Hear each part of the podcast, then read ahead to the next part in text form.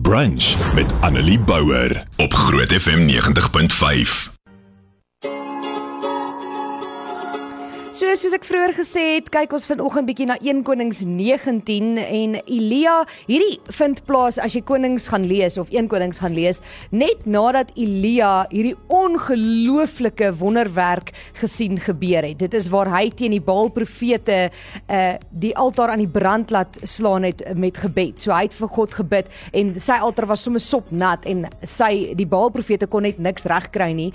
Jezebel die koningin is nou baie ontsteld en sy is op soek na Elia en sy sê ook sy stuur 'n boodskapper na hom toe en dan sê sy mag die gode my om die lewe bring as ek nie môre teen hierdie tyd met jou gemaak het soos jy met die profete nie. Okay, so nou is hy bang. Nou ek wil net in 'n persoonlike side note hier, so ek lag altyd vir die stukkie.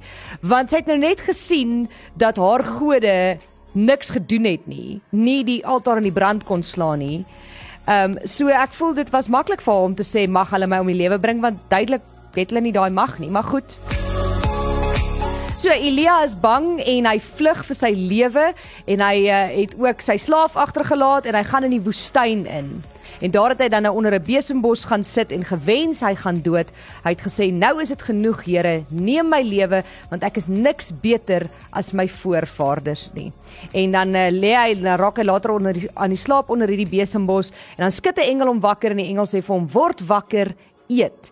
En uh, vers 6 sê toe hy opkyk sien hy by sy kop roosterkoek op warm klippe gebak en 'n kruik water. Hy het geëet en gedrink en weer gaan lê. Die engel het 'n tweede keer aan hom geskud en gesê word wakker, eet, anders sal die pad vir jou te lank word. Toe staan hy op en hy eet en deur die krag van die kos kon hy 40 dae en 40 nagte loop tot by Horeb die berg van God. As jy verder gaan lees, dan gaan dit oor waar Elia in hierdie grot is en waar die Here vir hom sê, "Wat maak jy hier, Elia? Hoekom is jy hier? Wat wat gaan nou aan?" Jy het hierdie groot wonderwerk nou net sien gebeur. Uh jy het nou net gesien hoe ek magtig is en wat ek alles kan doen. Op hierdie stadium vra God dan vir hom, "Wat maak jy hier? Hoekom is jy hier? Hoekom kruip jy weg? Hoekom is jy bang? Het jy nie gesien wat ek kan doen nie?" Wat ek by wil uitkom vanoggend eintlik is dat God nooit op ons opgee nie. Gaan dink bietjie mooi daaroor en dink wat dit beteken dat die God wat die heelal geskep het, die heerser, die skepper, die Vader, die almagtige nooit op jou opgee nie. Maak nie saak hoe ver jy afdwaal nie. En dit kan afdwaal wees soos heeltemal jou rug op hom draai of dit kan afdwaal wees soos jou eie kop volg en nie God se leiding nie of dalk hoor jy nie sy stem nie. Dit kan afdwaal wees soos wanneer jy mens begin twyfel in jouself of dalk begin twyfel in wat jy veronderstel is om te doen in die lewe of begin twyfel in God. Dit is enige tipe afdwaal. Maak nie saak hoe ver jy afdwaal nie. God gee nie op nie. Hy kom en hy gee vir jou kos en hy gee vir jou water en hy vra vir jou, "Wat maak jy? Wat wat gaan nou aan?" God kon vir Elia gesê het, "Weet jy wat? Jy stel my te leer, dan net gesien wat ek als kan doen en in een oomblik word jy bang en jy vergeet wie ek is en jy hardloop weg." Maar hy het nie. Hy het na Elia toe gegaan.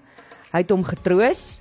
Hy het hom kos gegee en hy het weer en weer na hom toe teruggegaan en vir hom gesê: "Hier's nie waar jy nou moet wees nie." Hier is waar jy, moet gaan. En dan wys hy weer vir Elia wie hy is.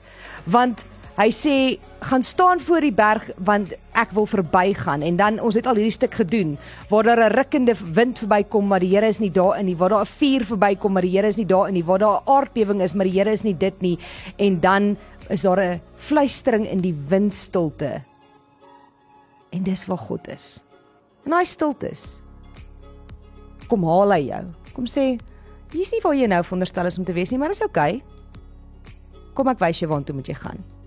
So daai oomblikke wanneer jy alleen voel, daai oomblikke wanneer jy twyfel, daai oomblikke wanneer jy bang is, daai oomblikke wat jy eintlik voel of jy nie meer God se stem hoor nie en skuldig voel, kom God terug na jou toe.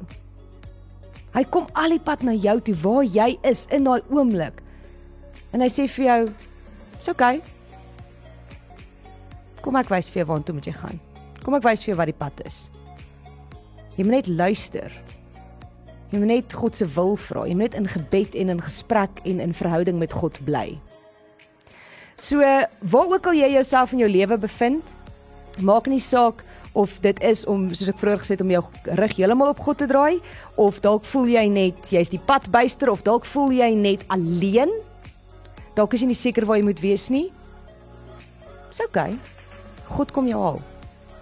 En hy gaan vir jou wys waar hy jou wil hê. Want hy wil hê jy moet gaan. Wat die regte pad is saam met hom. Annelie Bouwer, weekoggend tussen 9 en 12 op Groot FM 90.5.